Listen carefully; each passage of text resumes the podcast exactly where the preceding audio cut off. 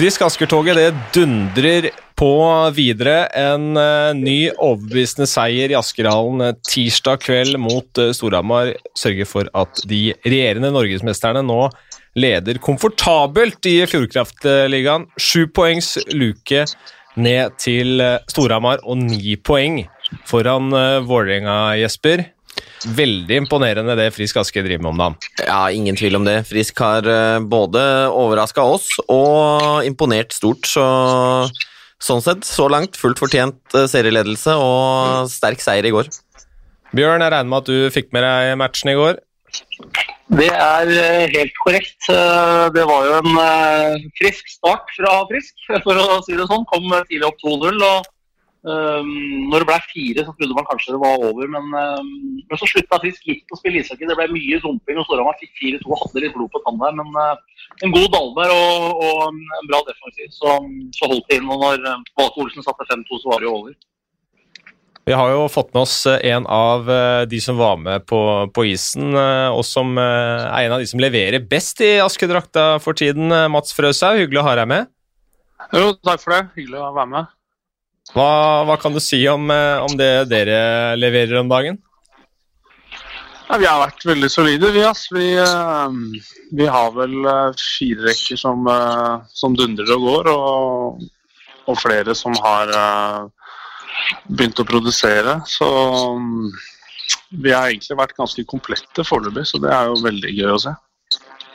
Det er, eh, som jeg nevnte, sju poeng ned til Storhamar og ni poeng ned til Vålerenga. Eh, jeg og Jesper vi, vi var på plass i hallen og hørte at det var, det var den luka ned til Vålerenga som først og fremst ble trukket fram, eh, i hvert fall av, av, de som vi passerte i hallen. Hva, hva tenker du, hvilken luke er viktigst for deg?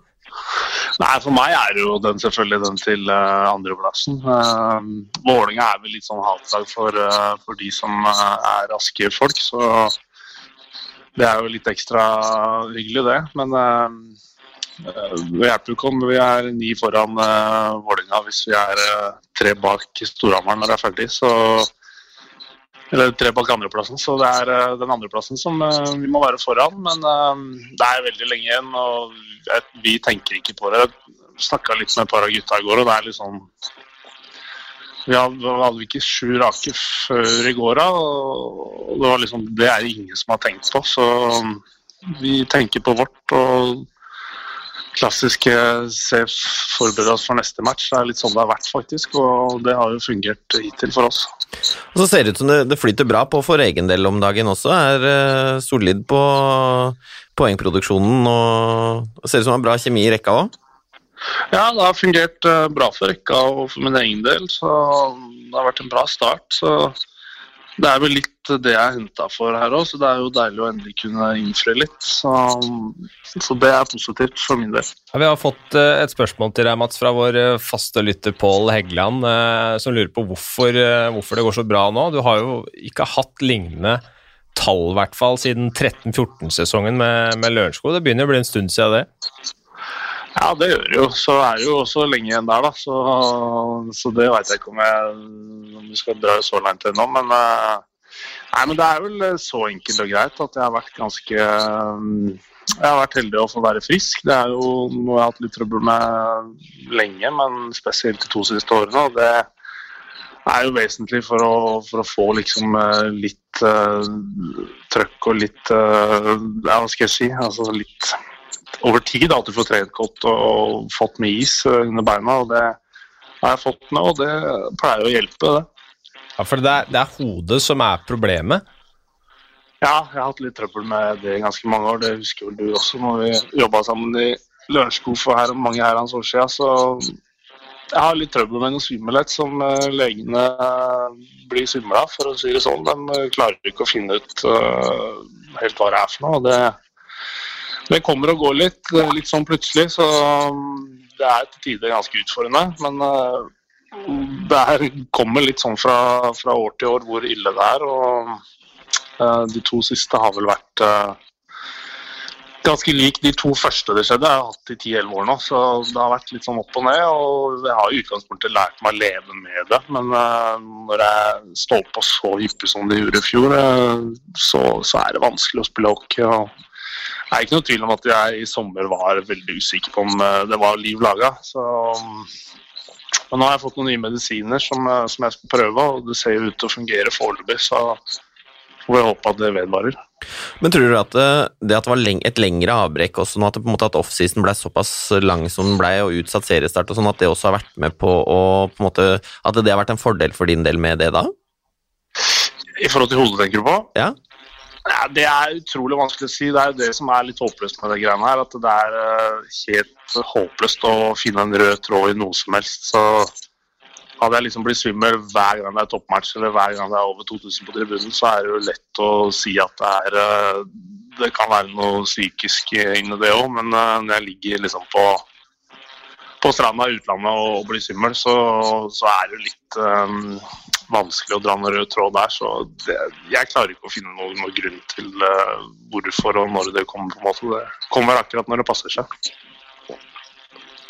Men uh, hvor, hvor, mye føler du at, at de problemene har uh, satt stopper for ditt potensial som, som ishockeyspiller? Nei, Det er jo noe jeg tenkte mye på når jeg var yngre. For det kom jo en litt eldre periode eh, tidlig i karrieren når ting så lyst ut. Så det er vel ikke noe tvil om at det, det har eh, satt noen kjepper i hjula. Men det er jo veldig vanskelig å si eh, hvordan karrieren hadde blitt. Men som sagt så har jeg slitt med det siden jeg var 19-20 år gammel. Så, så det har jo prega meg til viss del. Det er jo ikke noen tvil om det. Og så det sleit jeg fælt med da jeg var yngre, men nå er jeg såpass gammel eh, og har eh, levd med det så lenge og har utgangspunktet lært meg å leve med det. Men eh, det kan ikke bli noe verre enn det er nå, for da er det ikke helt en helt heldig hverdag. Så vi får håpe de medisinene jeg får nå funker, og så, så får vi prøve å, å nyte så lenge man er frisk. Ja, det skjønner jeg veldig godt. Det må være være, hjelpe veldig på humør å se for meg. Men uh, jeg antar jo at humøret generelt i Frisk-garderoben om dagen er, er, veldig bra. Hva er det som er annerledes med årets uh, Frisk-utgave? Oh, det er litt vanskelig å si. Vi, uh, hva som er annerledes? Vi har, jo, liksom, vi har et ganske godt lag på papiret sånn i utgangspunktet. Hvis du noe som vi har fått inn når de importene som vi har henta er såpass bra som de er. og og de som er gode, har vært gode, på en måte. Og så har vi fått inn en Valkeve som, som er uh, en av Han var jo sterkeste og beste målskytten i, i svenska, og det er en liga der er vanskelig å skåre mål. Så, så, det er liksom, vi har fått inn kvalitet uh, som vi ikke visste vi skulle få, og, og, og sånn. Og så har vi beste keeperen i ligaen. Vi har eh, fysiske, sterke backer som, som, spiller enkelt, som har tatt steg og vært gode. Og så, og så er det jo noen gutter som har, eh, som har tatt noen steg. og uh, fått opp en Bjørndal som har vært veldig bra, fungert bra med i, i fjærrekka sammen med meg og Mikkel Kristiansen. Så det er helheten som har vært bra. Og så har uh, Janne og Vida vært De skal ha litt skryt for det, at de har vært flinke til å Måten de har brukt, uh, brukt laget på. De, uh, de er jo flinke til å fordele spilletid og bruke de som er hete. og ja, og få liksom hele maskineriet i gang. Det er liksom ingen som, som, sitter sånn i en halv periode hvis det er mye utvisninger. Eh, ikke for mange, det er noen alltid, det kan man ikke unngå. Men det er helheten. Det er litt vanskelig å gå inn på én ting. Vi har jo, altså, Før sesongen så snakka vi mye om at dere kom til å savne Kåsastul Ødegård, at det ville være store hull å tette der, men faktum er jo faktisk at dere har eh, gått fra å være et av lagene som har flest utvisningsminutter, eh, til å bli laget som har eh, nest færrest utvisningsminutter den sesongen her. Eh, Kåsastul Ødegård, eh, og Ødegård var jo Eh, de eneste som, eh, som, hadde over 100 utvisningsminutter forrige sesong. Lystad Jacobsen var vel nærmest med 53. Eh, det hjelper vel på at man for det meste kan spille med, med fem på isen i, større grad, som du sier?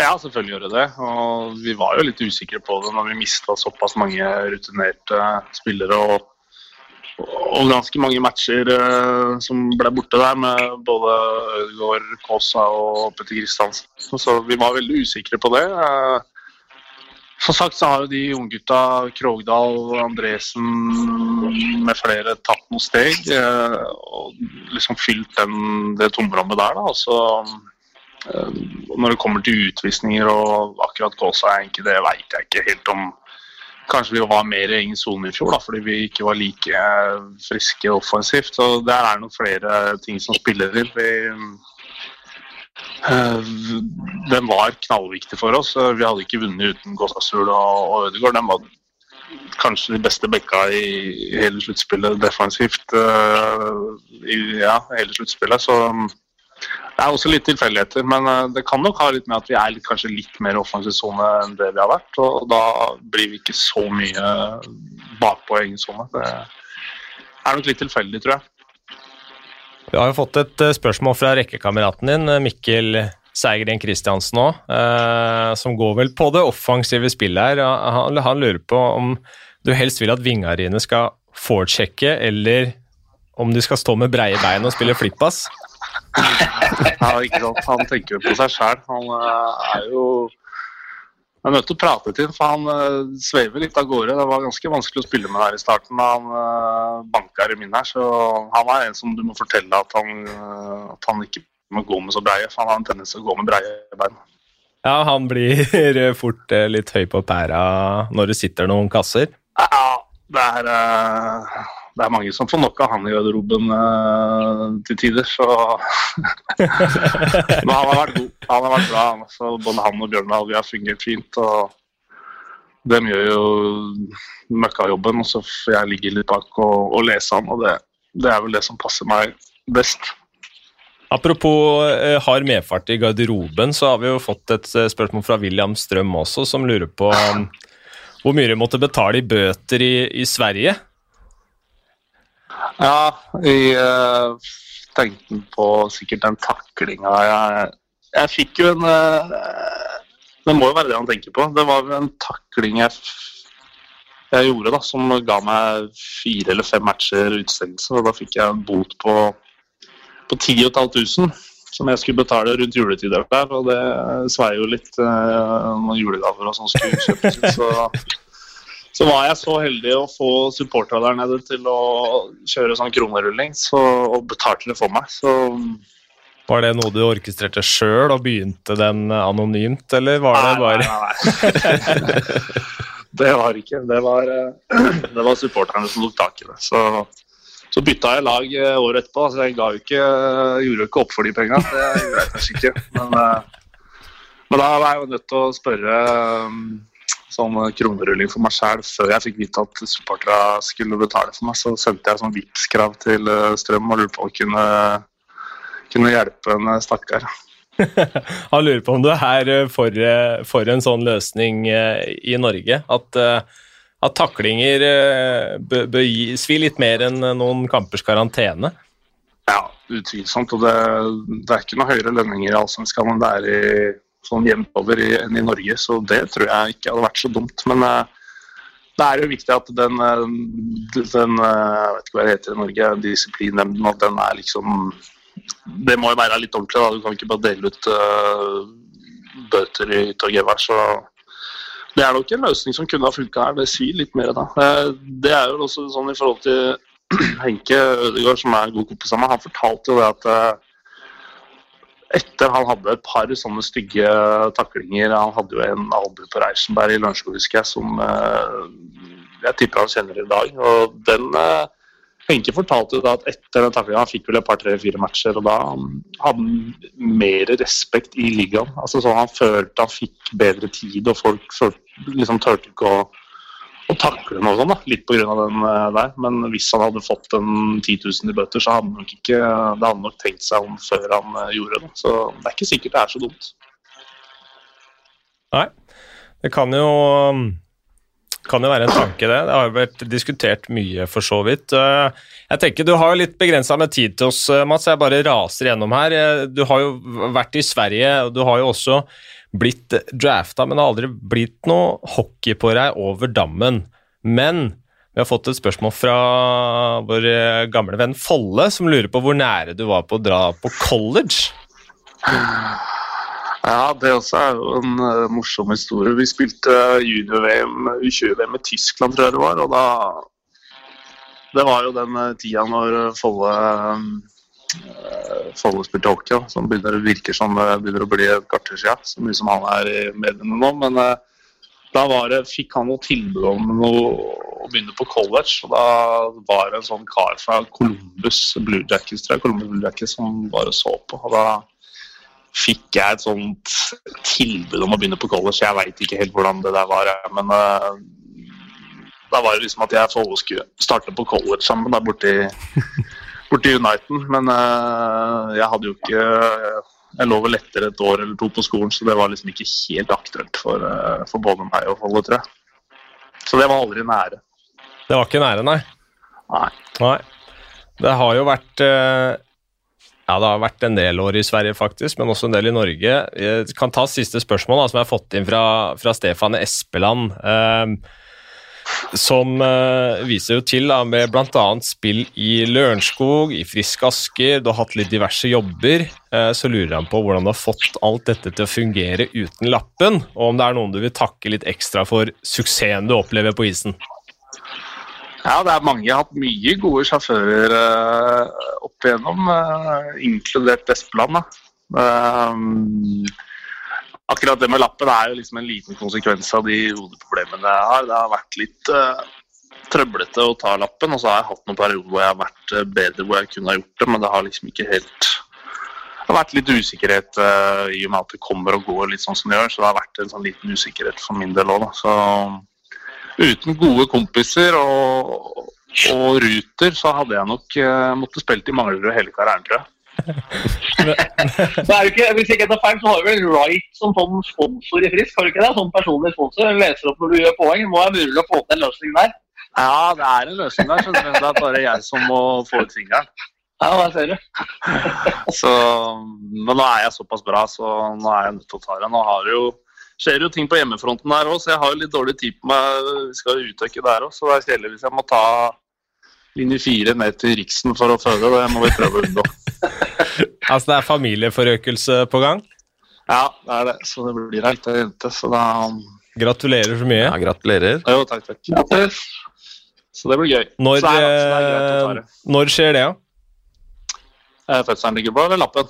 jeg regner med at fødselen kommer før lappen, jeg. Ja, det får jeg ikke håpe, men uh, fødselen skjer vel om slutten av april. Så det begynner å haste der òg. Ja, ja. Da har du litt tid på deg. Det er ikke noe sånn at du får en eh, Da kan du i hvert fall ikke skylde på at du har fått unge sånn midtveis i sesongen hvis du får en, eh, en litt tyngre periode uten, uten noe poeng. Nei, det så får vi se om jeg klarer å produsere litt. Nå har jeg produsert både litt på og litt utafor, så får vi håpe det fortsetter. Det er sterkt eh, og vært eh, imponerende så langt, eh, Mats. Så får du bare ha lykke til videre med, med sesongen, både på hjemmebane og for Frisk Asker. Tusen hjertelig. Så takker vi for tida. Jo, takk for at du fikk være med. Så snakkes vi bare på. Det gjør vi, vet du. Ha det. Ha det godt. Ha det. Ja, han sa det fint, Frøshaug. Produserer både på is og på hjemmebane. Så det er eh, åpenbart gode dager eh, for Mats Frøshaug Jesper. Ja, det er klart det er, det er viktig å, å, kunne levere på og utafor isen, og det er bare å gratulere Frøshaug med det. Uh, Bjørn, vi Altså, vi fikk jo ikke tid til å snakke så veldig mye med Mats om, om Frisk Asker egentlig og det de har levert. De spilte jo, som vi nevnte, en, en kamp mot Storhamar tirsdag kveld. Jeg slo tilbake mot uh, mot uh, Hamar-laget, som de tapte 3-1 mot sist. Um, det var jo en, en, litt rar kamp, da, egentlig. Ja, det var det. Frisk fikk liksom 2-0, uh, som jeg var inne på i stad, ganske, ganske, tidlig i, i matchen. Og, uh, og, og, fikk med det et, eh, et overtak. Men det, sånn spillemessig så, så var jo matchen veldig jevn. Og, og som sagt, tredjeperioden så var, eh, så var jo uh, Storhamar uh, kanskje det beste laget, men samtidig så satt man og følte at Frisk hadde ganske god kontroll. og Det så litt likt ut som da Frisk Uh, vant NM-sluttspill.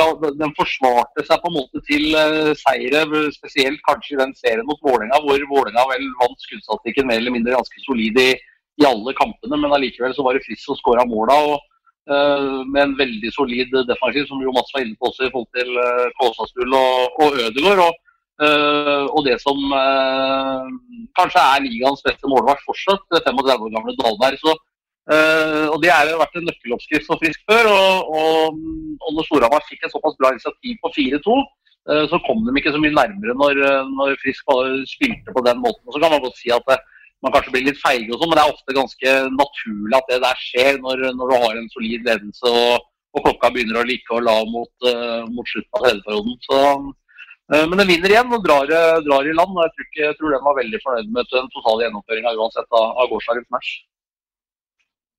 Uh, McIntyre må vi kanskje si noen ord om. Uh, eh, 28 poeng nå på, på 15 kamper. Det er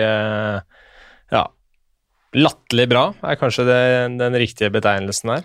Ja, absolutt. Altså, det er helt fantastiske tall. Og, og, det, ser, det, ser, så lett ut for han også. at uh, han, han, leser spillet så bra. og Han har selvfølgelig han har veldig god kjemi med, med Gustavsson og Meby i rekka si. og de de finner hverandre fint, og de ser jo også den, der, den første skåringa, hvordan, han, hvordan han stjeler pucken når motstanderen er på vei ut av sonen, men og da liksom skaper den muligheten. Han er, uh, han er rett og slett en klassespiller. Ja, faktisk foran nå. Jeg nevnte dette på, på lufta i går. Jeg hadde samme poengsnitt som, som Chris Abbott. Nå er han eh, et godt stykke foran også. Er eh, over 1,8 poeng per, per match. Um, kan det fortsette hele veien, Bjørn? Uh, ja, det kan det nok. Uh, for det er klart at Hvis vi ser på det Frisk-laget totalt sett, da, så, så, er det ikke sånn at de har forsvart seg til seier. eller De er faktisk det mestskårende laget i ligaen også. og, og McIntyre han har elleve målgivende pasninger i overtallsspill. han har et vanvittig bra blikk for spillet. Men samtidig så syns jeg eh, siste halvdelen av de 14-15 eh, kampene som er gått, så har han, så han uh, utnytta den speeden han har på skøyter. Han har et vanvittig taktomslag på, på skøytene. Og Frisk har blitt flinkere i spillevendingene enn det de var i fjor, hvor de knapt kom til overtallssituasjoner i det hele tatt. Og da får han brukt uh, sin spisskompetanse i enda større grad. Han er en vanvittig bra skøyteløper. Er jo uh, god kompis med McDavid. Conor McDavid, eh, NHL-stjerna Edmonton, så det er mulig at han har eh, hatt samme skøytetrener når han har vært yngre. Det, det vet ikke jeg, men han har et kjempesteg som han utnytter i større og større grad. og Han nevnte vel også i intervjuet i går at han blir mer og mer vant til den store banestørrelsen. og Det kan ha litt å si at han føler at han da i, oftere kan, kan benytte seg av den spisskompetansen. Hmm. Vi snakka jo forrige sesong, Bjørn, veldig mye om denne McMonagall-erstatteren som aldri kom til Frisk. Er det det de har fått inn i eh, Kuronen? Ja, Han har vært veldig undervurdert. Eh, jeg syns eh, han også har blitt bare bedre og bedre. Han er jo ikke noen sånn type flashy ishockeyspiller, men han gjør noe som er utrolig bra, og det er at han spiller veldig, veldig enkelt. Han har nesten alltid en veldig fin førsteplass som gjør at Frisk kommer av gårde ut av, ut av egen sone. Uh, og nå har han jo fått vist fram skuddet sitt uh, litt oftere den siste tida også fra, på, i blålinja i det powerplayet med, med McIntyre. Så Kuron er en, en spillende bekk og viste jo at han kan levere, selv om Mesti, som er nivå to i Finland, kanskje ikke er like bra nå som det var for en del år tilbake. Men han leverte jo poengmessig veldig veldig bra i den ligaen i fjor. Men, men han har liksom ikke helt uh, kommet i gang ordentlig. Si, noen ganger så tar det litt tid. Du kommer til et nytt land kanskje for første gang. Du har nye lagkamerater, det er nye omgivelser, det er et annet språk. Og, og folk bruker litt forskjellig tid på å, å sosialisere seg både på og utafor banen. Men, men Kuron har bare blitt bedre og bedre og bedre og gjør knapt feil ute på isen. Han er heller ikke stor og sterk, heller, men han er en, en solid uh, toveisbekk med, med, gode både defensive og offensive kvaliteter. Og har uh, framstått uh, veldig veldig bra, spesielt kanskje den siste fire, fem, seks, sju, åtte matcha. Må spørre da, Jesper. Um, Frisk håndterte jo situasjonen litt annerledes i, i vår og sommer med permitteringer. De, uh, så langt det lot seg gjøre, så, så hadde jo Frisk Asker uh, hele laget i, uh, i arbeid, da. Um, de var vel permittert en, en, liten periode, men ikke så veldig lenge. og Så er spørsmålet, tror du det kan ha gjort noe utslag på Eh, den troppen her, eh, om det gjelder eh, fysisk form eller kjemien i laget eller lagmoralen, altså klubbfølelsen, kan det ha hatt noe innvirkning der? Jeg tror jo det. det er, man, vi hørte jo Anders Bastiansen si litt om det i går etter matchen, og det, det er klart at hvis de var tilbake samla eh, 1.6, hvis jeg ikke tar feil, stemmer ikke det, Bjørn? Jo. Jo, 1.6, og, og mange av de andre lagene ikke var samla igjen før 1. august, det var vel inntil 15. august det var noen som hadde eh, permittert spillerne sine. og Det er klart at det, det gjør jo også noe med, med den derre uh, sammensveisinga av gruppa. Det å trene, ha en prestasjonsgruppe sammen over tid. Og, og, det har nok vært med på å, å bygge den lagfølelsen i, i Frisk. Jeg er jo på en måte veldig imponert over den, uh, det lagarbeidet som blir lagt ned Eh, i de, i de ulike matchene til Frisk og er med å, å vinne de der jevne matchene. De har kommet tilbake fra matcher de har ligget under, og de har på en måte klart å styre inn til, til seier etter seier. Og, og jeg tror absolutt at det er eh, en av faktorene der. Har du noe å veie inn på med der, Bjørn?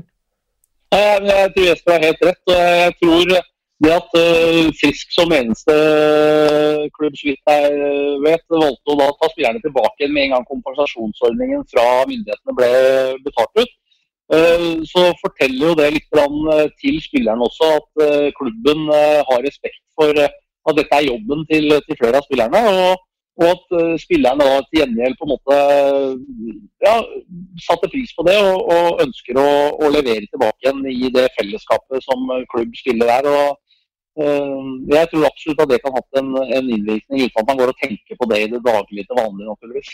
Mm. Uh, per Olav Mobekk eh, han, han, spør tar oss litt på tabelltipset, og det er uh, fullt fortjent. Vi hadde vel Frisk helt nede på sjetteplass, Jesper. Jeg lurer på hva vi, hva vi, tenker nå. Det ser ganske mye lysere ut her. Hva, hva er det som eh, skal gå gærent for at Frisk ikke eh, ender eh, helt i toppen? Nei, først og fremst så kan jeg jo bare si at det ser ut som vi tok helt feil det, det når det gjelder Frisk. Og, og de hadde jo Vi hadde jo ikke trua på at de skulle være helt der oppe i toppen, og, og, og stilte også disse spørsmålene med, med, hvordan det ville slå ut med uten Ødegaard, uten Kåsastøl, uten Petter Kristiansen.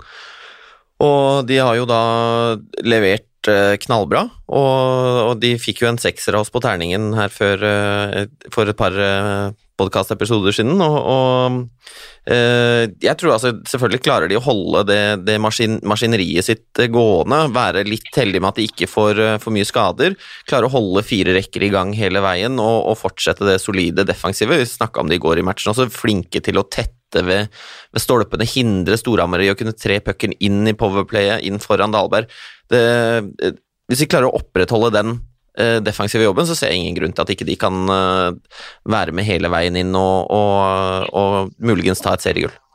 Som, som jeg har vært inne på, Kuronen kanskje enda bedre enn man hadde forventa.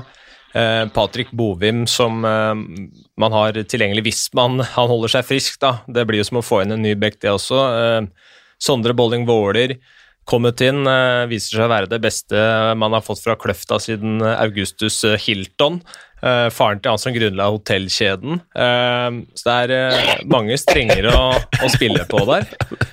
ja, Våler har vært riktig riktig bra. Ja. han har vært en åpenbaring for meg. Hadde ikke veldig god kontroll på han fra før av. Men han er ikke gamle gutten, han heller. Men han ja, Han har virkelig imponert meg. Spiller uh, også han med stor selvtillit og, og offensiv kraft. Også en uh, tøffing defensivt. Så, men han Per Olav Mobek som sendte inn den meldinga, han er gammel keeper på juniornivå i kryss. Så det letteste måten å håndtere det på, er at han stiller seg mål igjen, så kommer de raskt ned på sjetteplass.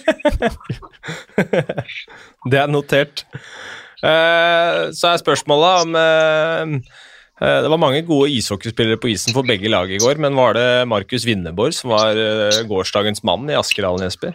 Altså, jeg syns jo på mange måter det. Det er herlig å høre en dommer som uh, på en måte når de, har, når de har mikrofon på seg, og vi får høre på TV-sendinga hvorfor de gjør som de gjør, og setter spillere på, på plass med god dialog. Og vi hørte både med Det var jo med Frøysaug, og det var med Rønhild, og det var med den ene og den andre, og det var vel, eh, var vel egentlig en av de, de få eh, feilene vi hørte, som vi også hørte da på mikrofonen, var jo det at de trodde det var en Storhamar-kølle som traff uh, Sondre Bjerke i, i ansiktet uh, rett før han sjæl fikk en to minutter etterpå. Ja, og den er jo uh, vel, eller altså potensielt veldig kampavgjørende når Storhamar, som hadde vært bra, skulle hatt et overtallsspill, får uh, istedenfor en to minutter etterpå på Bjerke, som sitter utvist når Frisk Asker går opp til 3-0. Uh, ehm, den er ikke helt god. Nei, selvfølgelig veldig veldig tung, men det er, det, hvis man ser på den situasjonen, det er en duell mellom Det er tre spillere inne foran mål. Det er, eh, det er Bjerke, og det er Bjørndal, og det er også en, en Storhamar-spiller til som jeg ikke husker i farten hvem det var som var der. Og, og det blir på en måte da Når dommerne skal ta den avgjørelsen i løpet av det halvsekundet Du ser at han er på vei opp med armen, og så ombestemmer han seg, for da bestemmer han seg for at nei, det må ha vært en blå kølle som traff, uh, traff Bjerke der. Det var ikke en to minutter. Og så spør han også linjedommeren etterpå. Men det er klart at det, den situasjonen, det å på en måte egentlig skulle hatt et powerplay, og så ender man opp i undertall og slipper inn istedenfor, og det blir 3-0, det er klart den, det er jo med på å, å prege matchen. da. Bjørn, hva syns du om uh, prestasjonen? Det er Per Christian som spør på på Twitter, og han legger også til at det er kanskje den beste dommeren han har sett. Jeg veit ikke hva du hørte av, eh, av Inneborg i år? Nei, har jo, Han har vel dømt en match vi har hatt tidligere. Jeg husker ikke helt feil. Jeg har i hvert fall sett en aksjon uh, tidligere. og han har en, uh, For det første så, så, bør jo, og jeg håper og tror at de aller fleste spillere i Fjordkraftligaen veit hva han uh, har gjort av meritter tidligere. og vil jo da naturligvis ligge på plussida i utgangspunktet. Men han har en, en, eh, dialog og en måte å være på som er autoritær samtidig som han er med glimt i øyet. Uh, og så har han en fin uh, måte å forklare ting på, og, og bruker ikke veldig lang tid på diskusjoner osv. som undergraver sin egen autoritet heller. Så totalt sett, så, og, og, jeg tror at, og håper at de dommerne i Fjordkraftligaen som da får muligheten til å dømme sammen med Vinneborg, kanskje gjerne de er litt yngre gutta, det er vel vanskelig å og, og påvirke gamle hester som Johnsen osv., selv om han leverer et bra nivå fortsatt, han, eh, selv om han har vært med i mange år. Men at de eh, lærer og ser. Og, og, og, så er jo det aller, aller viktigste er jo at lista på dømminga er, er, lik. At den er lik fra paret som var i går.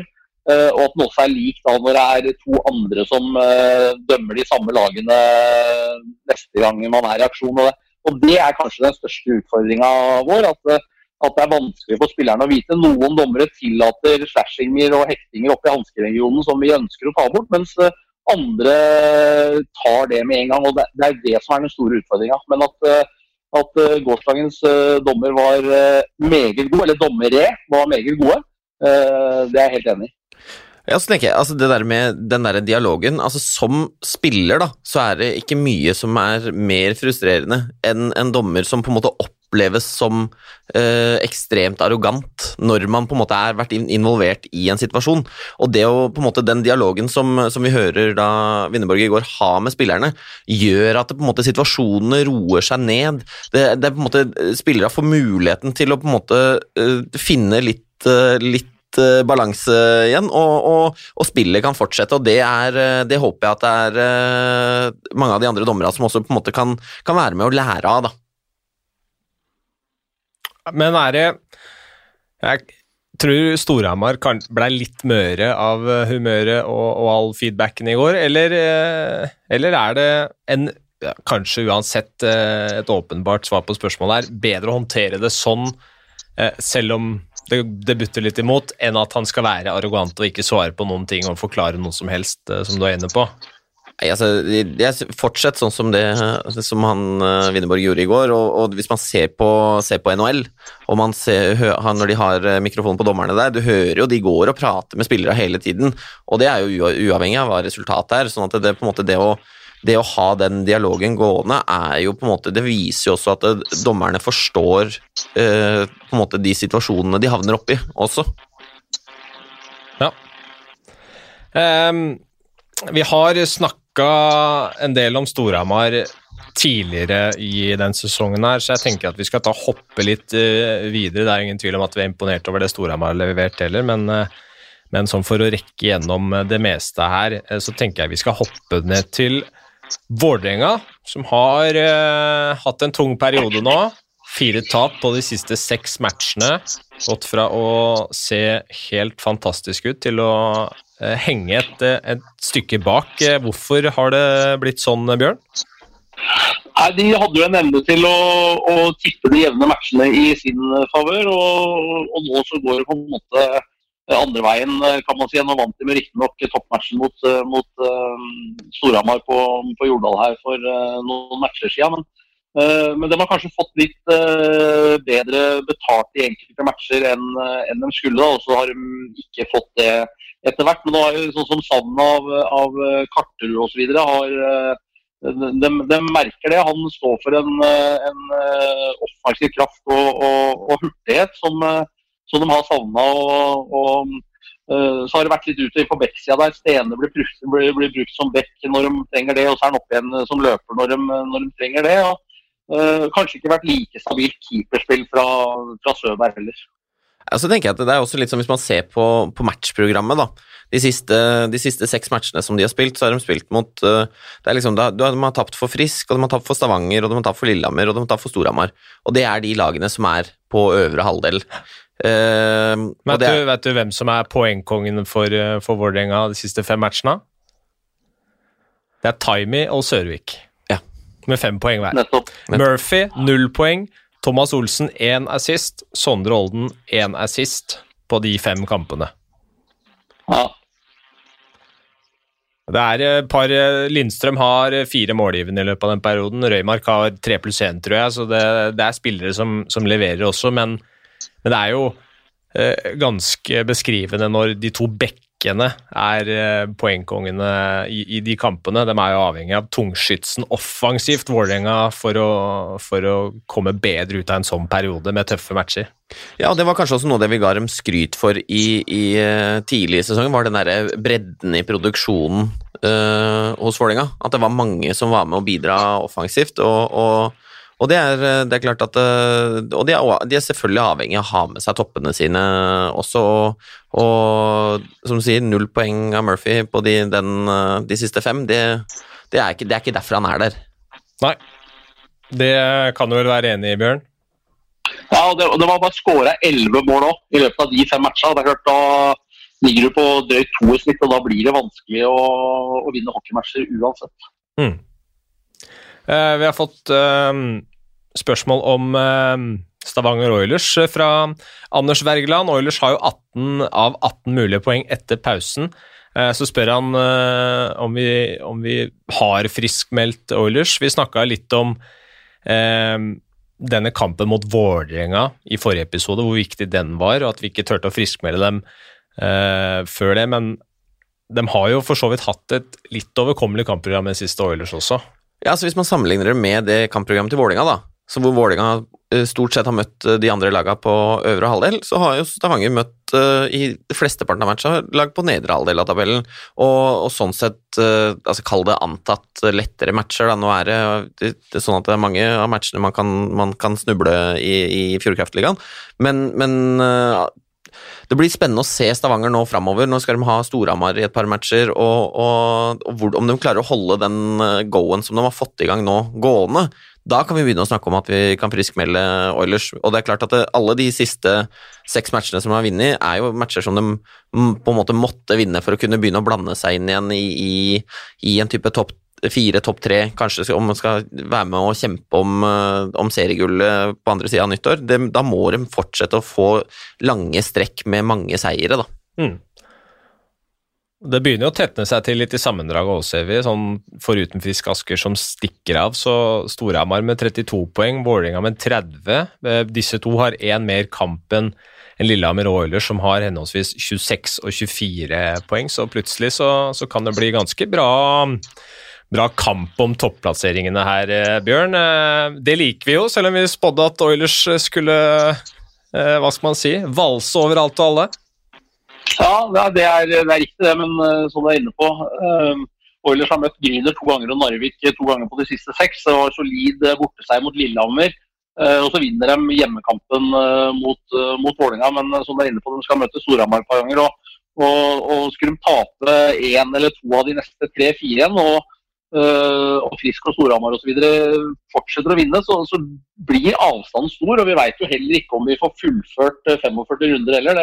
Det er ikke usannsynlig at vi, dersom man opplever flere tilfeller uh, av koronasmitte, sånn som tilfellet har vært i Sparta, at forbundet på et eller annet tidspunkt tar avgjørelsen om at vi dropper den femte runden og spiller bare 36. Og, og det er klart at da, da begynner avstanden å bli stor hvis, hvis Oilers skulle gå på noe tap, og, og Frisk Storhamar, uh, Vålerenga f.eks. skulle mm, ta noen seire i, i de rundene hvor Oilers eventuelt uh, taper. Så uh, man får ikke tilbake de poengene man har tapt til å begynne med. Så, men, skulle, men, uansett så, så har Oilers naturligvis muligheten og vinner en da mot Storhamar og Frisk f.eks. Så, så, så klatrer de jo, jo veldig mye nærmere. men og så får vi se Frisk i, i, i Nord-Norge til helga. De har vel dobbeltmatcher mot Narvik lørdag og søndag. Mm. Um, og det er litt sånn symptomatisk at plutselig så går serielederen på en smell der oppe i en match man absolutt ikke tror at man kan tape mot en Narvik-lag som knapt har tatt, uh,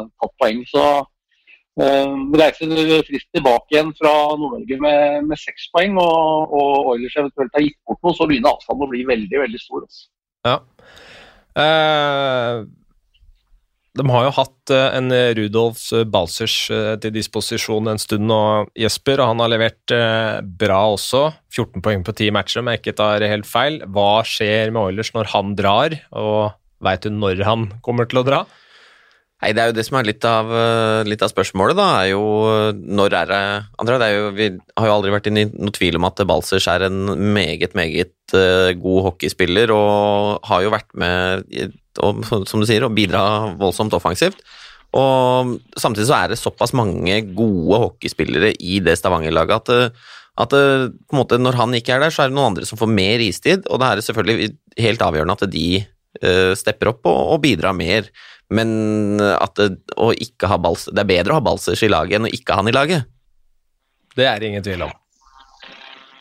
Uh, vi kan uh, hoppe litt videre fra, fra Oilers uh, til, uh, til, Sparta. Bjørn, du var jo litt inne på det her med dette koronakaoset som har vært der. totalt sett altså 17 bekrefta smittetilfeller i, i Sparta-troppen. Én i støtteapparatet også. de har ikke spilt siden 19.11., altså, da de slo MS. MS for øvrig ut av karantene på mandag, tror jeg, mens Stemmer det. Sparta dem er altså ikke klare igjen for kamp før eh, 10.12., da de skal spille borte mot eh, Gryner. Jeg tror det er eh, Nå husker jeg ikke helt Seks eller sju kamper som blir eh, anfekta av, av, det der. Eh, det er ganske kritisk, egentlig.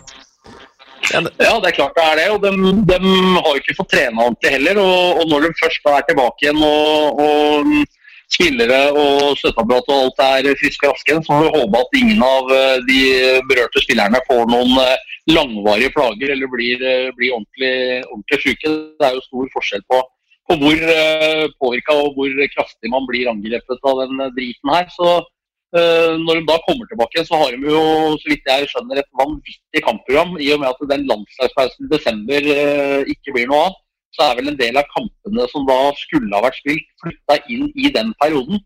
Uh, og Det gjelder jo for så vidt da naturligvis Sparta. og Når vi ikke har tre heller, så blir det jo superinteressant å se hvordan denne perioden har, har påvirka Sparta. Hva de kan klare å mobilisere av, av krefter osv. Når, når de har ligget brakk såpass lenge og plutselig da får uh, tre-fire kamper i uka. Ja, det er jo Vi eh, hadde jo tidligere i høst her TV 2 hadde en sak med Jonas Soløs etter at han hadde hatt eh, korona også, og som på en måte beskrev jo hvor tøft det var å komme i gang med treninga igjen også. og det at kroppen responderte ikke noe særlig på det. Og, og det er klart at hvis, uh, hvis Sparta-spillerne plutselig er ute i flere uker uten trening, så, og så skal gå rett inn i det tøffe kampprogrammet, så vil det potensielt ha ganske store konsekvenser for, for Spartas sesong. Så er jo spørsmålet da egentlig hva som kan skje videre. Eh, du nevnte det i stad, Bjørn. Tor, eh, Tor, Hagenborg har jo spurt om det at eh, om en runde av, av, ligaen rett og slett burde blitt kutta med tanke på situasjoner som det her.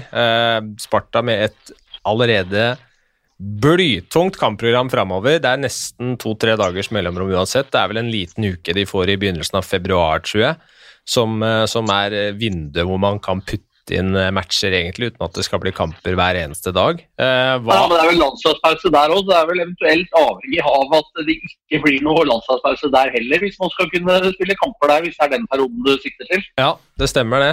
det. Burde man kutta de siste ni matchene, sånn at lagene egentlig bare skulle møtt hverandre fire ganger?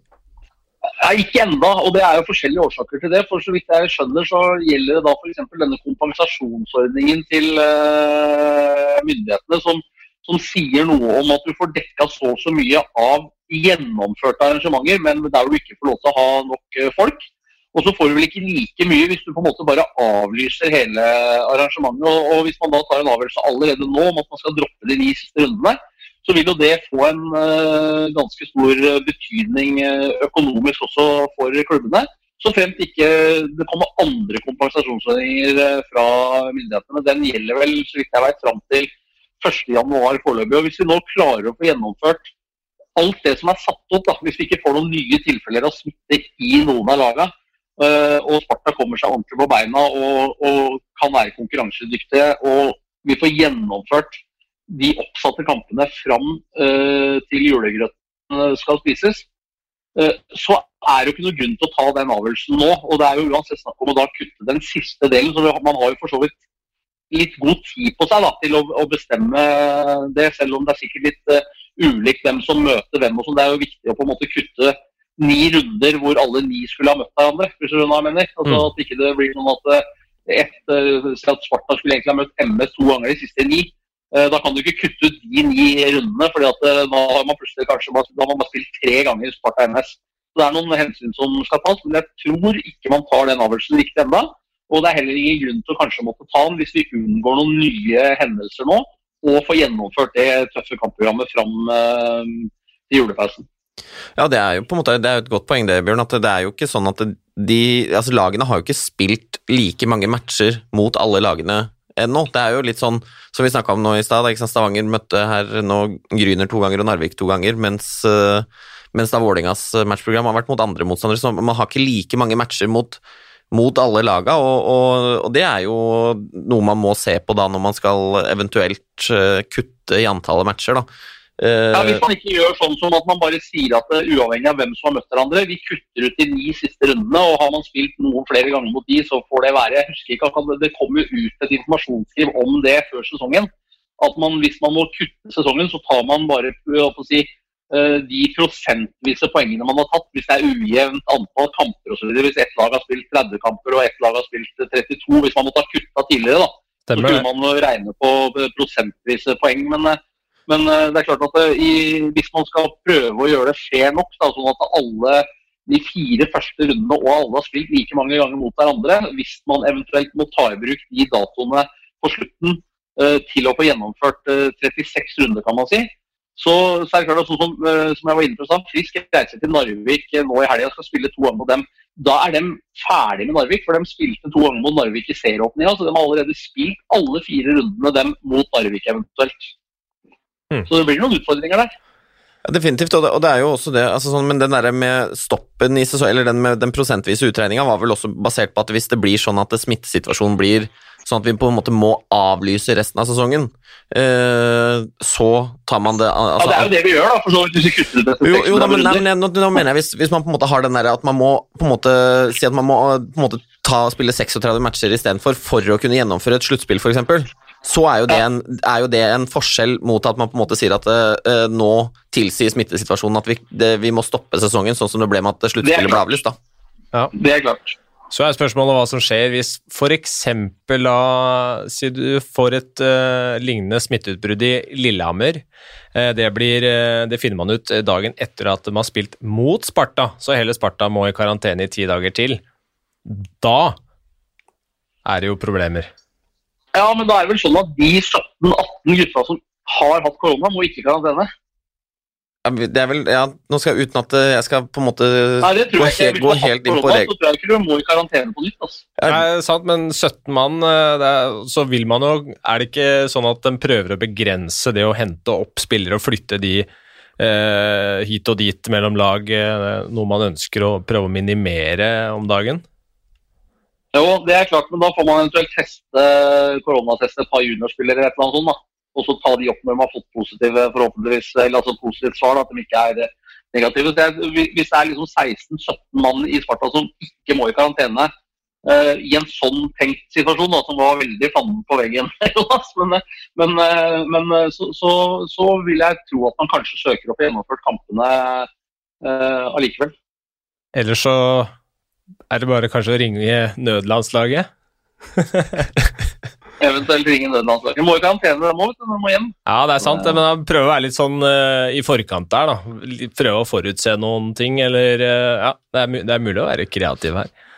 Men det Ja, nei, jeg jobber ikke i FHI eller Gullvåg eller uh, Nakstad eller noe som helst, jeg, men jeg bare tenker at akkurat når det gjelder Sparta, siden det var dem du nevnte hvis Lillehammer akkurat spilte spilt mot Sparta, Ja, for det ja. du tenkte da var at Sparta igjen da Ja, må det er- kamper i, i 10-12 dager, så tenker jeg at akkurat Sparta ville kanskje vært det beste laget og, at de har spilt mot, nettopp fordi at hvis det er sånn som jeg forstår det, at de da ikke må i karantene, for det var vel det som var tilfellet med O'Brien, som kom hjem fra, fra KHL og var rett i gang i Stjernen med en gang, fordi han hadde hatt korona, var det ikke sånn det var?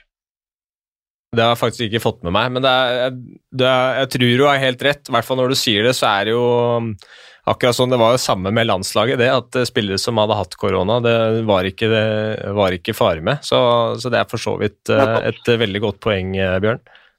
Når man klarer jo et par matcher med 16-17 mann hvis det er 16-17 mann nå som har vært syke i, i Sparta. Så, Ja, nei, men det er bra. Vi har et spørsmål til. Det er fra Stian Madsen, sponsorsjef i Fjordkraft, som lurer på hva vi syns om den nye poenghjelmen. Det ble jo svart og gull, som tok en knusende seier der. Eh, så er spørsmålet hvilket alternativ som dere likte best. jeg kan eh, ærlig innrømme, si jeg stemte på den med hvit og gull. Jeg, tenkte først sort og gull. Så altså, gikk jeg så litt nøyere på dem, og så tenkte jeg, sånn når du sitter på tribunen og ser på, da, som, eh, så tenkte jeg at den i hvit og gull kommer til å minne mest om den på en måte gamle gullhjelmen, da. Men, mens den sort og gull blir mer Men det, jeg tenker fint valg. Jeg for, jeg er egentlig enig med deg, eh, Espen. Jeg tenkte det er også hvit og gull, for jeg, jeg tenker at det, den hvite passer bedre til uniformen til alle lag enn svart. Det er Oilers som har en eh, skreddersydd eh, hjelm, enkelt og greit. De hadde jo det for, lang, for mange år siden, og den derre Rebook-hjelmen med sånne gule flekker på siden av, huet. Får jo nesten den tilbake, men men jeg har jo sett Det har vært positiv respons i hvert fall på, til Fjordkraft og hvordan de har håndtert det her, Bjørn. absolutt. Og det, var vel, det lå vel i kortet at det kom til å bli en av de to gullvariantene. Uh, og at det ble den svarte og gull, uh, var for så vidt greit, for det, selv om man da går fra at det er Frisk Asker som er fornøyd, til at det er Stavanger som er fornøyd. Men eh, det viktigste er i hvert fall at det ble gull for å på en måte bringe litt den gamle hjelmen, hjelmen videre. da. Så Personlig så hadde jeg vel eh, ikke noen spesielle føringer om det ble den hvite eller den svarte, men at det ble gull, det, det tok jeg nesten som en selvfølge.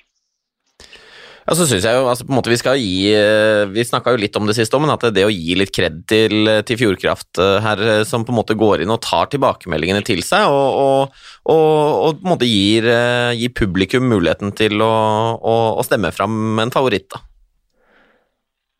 Det er fint. eh, Bra løst. Eh, Vi skal, eh, vi skal takke for oss i dag. Jeg skal bare melde om at det var jo sånn at beste spørsmål til denne podkasten her skulle bli premiert med et tre måneders Sumo totalabonnement. Det betyr at man får tilgang til absolutt alt som er på Sumo. Per Olav Mobek, tidligere keeper, juniorkeeper i Frisk Aske, stemte ikke det, Bjørn?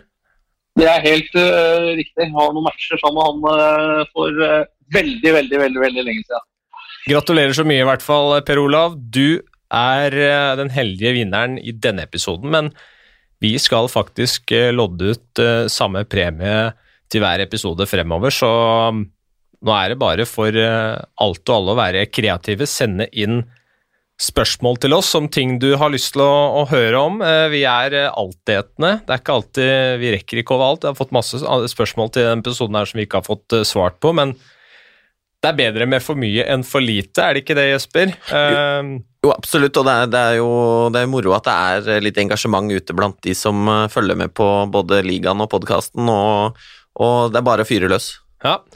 Eh, kan jo avslutte med følg oss gjerne på Twitter òg, vi begynner å, å nærme oss 2000 eh, følgere der med denne podkastens egen konto. Eh, og gi oss gjerne en vurdering i, i, iTunes også, om du ønsker det, eller der hvor du eventuelt hører på denne podkasten. Så takker jeg, Jesper og Bjørn for følget, så er vi tilbake om to uker.